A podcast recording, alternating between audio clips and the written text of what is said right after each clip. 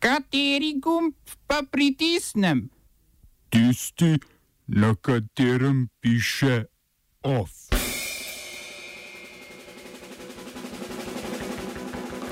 Voljivci v Egiptu potrdili ustavne spremembe.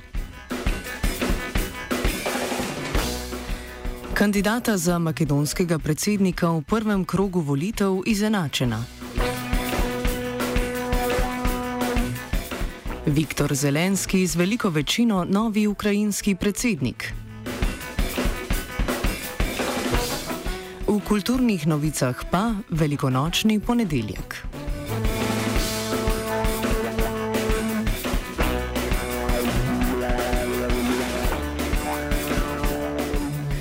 V drugem krogu ukrajinskih predsedniških volitev je Vladimir Zelenski s 74 odstotki glasov premagal dosedanjega predsednika Petra Porošenka, ki ga je podprla manj kot četrtina voljivcev.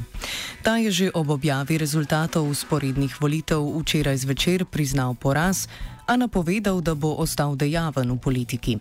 Zelenski, ki sicer nima nobenih političnih izkušenj, razen tega, da je igral predsednika države v priljubljeni televizijski nanizanki, se je v volilni kampanji izogibal tradicionalnim predvolilnim zborovanjem in je voljivce raje nagovarjal prek družbenih medijev in satiričnih oddaj.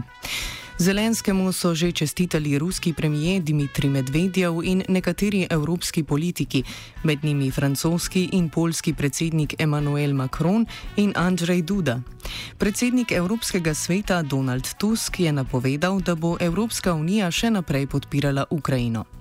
Zelenski je ob razglasitvi rezultatov usporednih volitev napovedal, da si bo za prvo nalogo zadal osvoboditev vojnih zapornikov priprtih v vzhodni Ukrajini in Rusiji, med njimi tudi od novembra lani pridržanih 24 ukrajinskih mornarjev.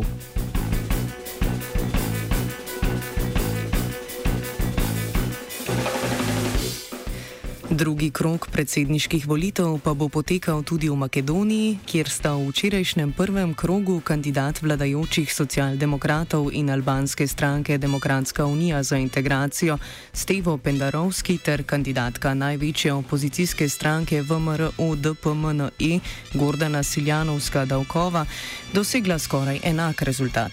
Volilna udeležba v državi z 1,8 milijona prebivalci je bila 42 odstotna, Drugi krok volitev 5. maja bo po makedonski volilni zakonodaji veljaven le, če se ga udeleži več kot 40 odstotkov voljivcev. V nasprotnem primeru bodo volitve ponovili. Zmago predsedniškega kandidata oziroma kandidatke v drugem krogu volitev bodo tako odločili voljivci Blerim Reke, kandidata dveh manjših opozicijskih albanskih strank, ki je v nedeljskem prvem krogu dobil malo manj kot 11 odstotkov glasov. Odločiti se bodo morali med Pendarovskim, ki tako kot vlada Zora Nazajeva podpira prespanski sporazum in nedavno spremembo imena države, ter Siljanovsko davkovo, ki temu nasprotuje ter vlado obtožuje korupcije in nepotizma.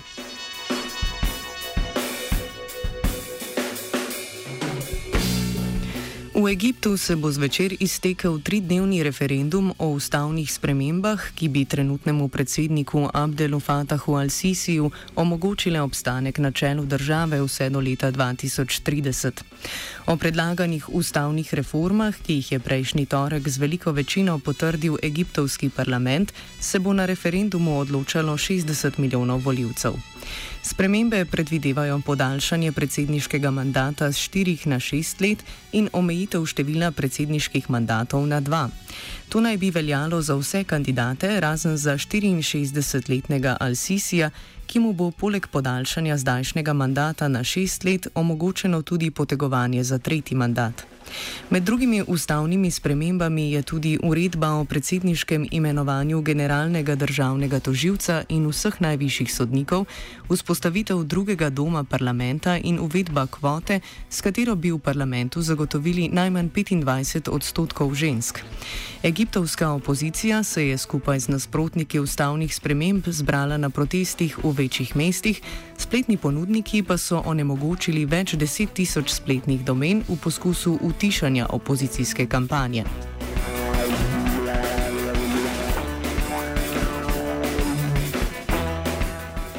Voditelji 22 držav Arabske lige so na včerajšnjem srečanju s palestinskim predsednikom Mahmudom Abbasom v Kajru dosegli dogovor o finančni pomoči palestinskim oblastem v višini 89 milijonov evrov mesečno. Odločitev je prišla po izraelski zamrznitvi izplačila 122 milijonov evrov zbranih davkov in carin palestinskim oblastem februarja letos. Izrael namreč ta denar v imenu palestinskih oblasti zbira in izplačuje palestinskim oblastem. Večino prejetega denarja pa palestinske oblasti namenijo družinam v Izraelu zaprtih palestincev, ki so bili pridržani v konfliktih z izraelsko vojsko. Abbas je sicer egiptovskega predsednika Abdela Fataha al-Sisija obiskal že v soboto. Pogovarjala sta se o napovedanem dogovoru stoletja, ki ga administracija ZDA pripravlja kot predlog za tako imenovano dokončno rešitev izraelsko-palestinskega konflikta, ki traja že več kot 70 let. Abbas je pričakovani dogovor označil za klofuto stoletja.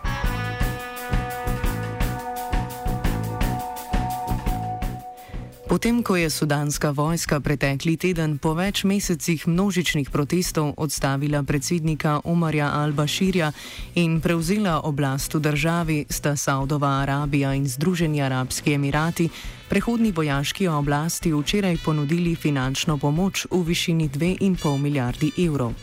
Od tega zneska bi državi v Sudansko centralno banko prenesli 444 milijonov evrov za preprečitev zloma sudanskega funta, preostanek pa bi državi dostavili v obliki hrane, goriva in zdravil.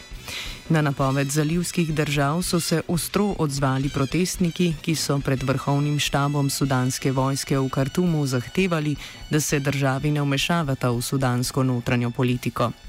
Omar al-Bashir, ki je bil na oblasti 30 let, je sicer zaprt v strogo varovanem zaporu Kopar v Kartumu, na njegovem domu pa so odkrili velike količine deviz v dolarjih, evrih in sudanskih funtih. Oba, če, če bom odgovoril na angliški. Slovenija bo poskušala pomagati. Slovenija bo naredila svoj utmost, da bo rekla, da je situacija naš problem. In bomo naredili nadaljnje korake, as soon as the conditions are. Bomo vlado Marjana Cererera Šarca podprli. Very, very serious. News from Slovenia. We know how and we will. Poleg današnjega praznovanja velikonočnega ponedeljka, ob katerem se kristijani spominjamo prikazovanja ostalega Jezusa Kristusa svojim apostolom in učencem, na današnji dan obeležujemo tudi Svetovni dan Zemlje in Svetovni dan tabornikov. Svetovni dan Zemlje je letos posvečen zaščiti ogroženih živalskih in rastlinskih vrst. Koordinatorji dneva iz organizacije Earth Day Network opozarjajo, da smo v obdobju največjega izumrtja vrst v zadnjih 60 milijonih let, hitro izgubljanje pa je posledica človeške dejavnosti. Komor se na današnji dan ni ljubilo k sveti maši ali na sprehod v naravo, se lahko v mirni peči na Dolenskem pridruži več tisoč motoristom, ki so se zbrali na vse slovenskem srečanju. Župnik Janez Richteršič, tudi sam predan motorist, je ob 11. uri blagoslovil motorje in njihove voznike, opoldne pa jih je razveselil ansambl presenečenja. Več o praznovanju, ki letos poteka že 21. leto, izveste v offsajdu ob 5. uri, ki ga pripravlja Koruza. Off je pripravil Dugi.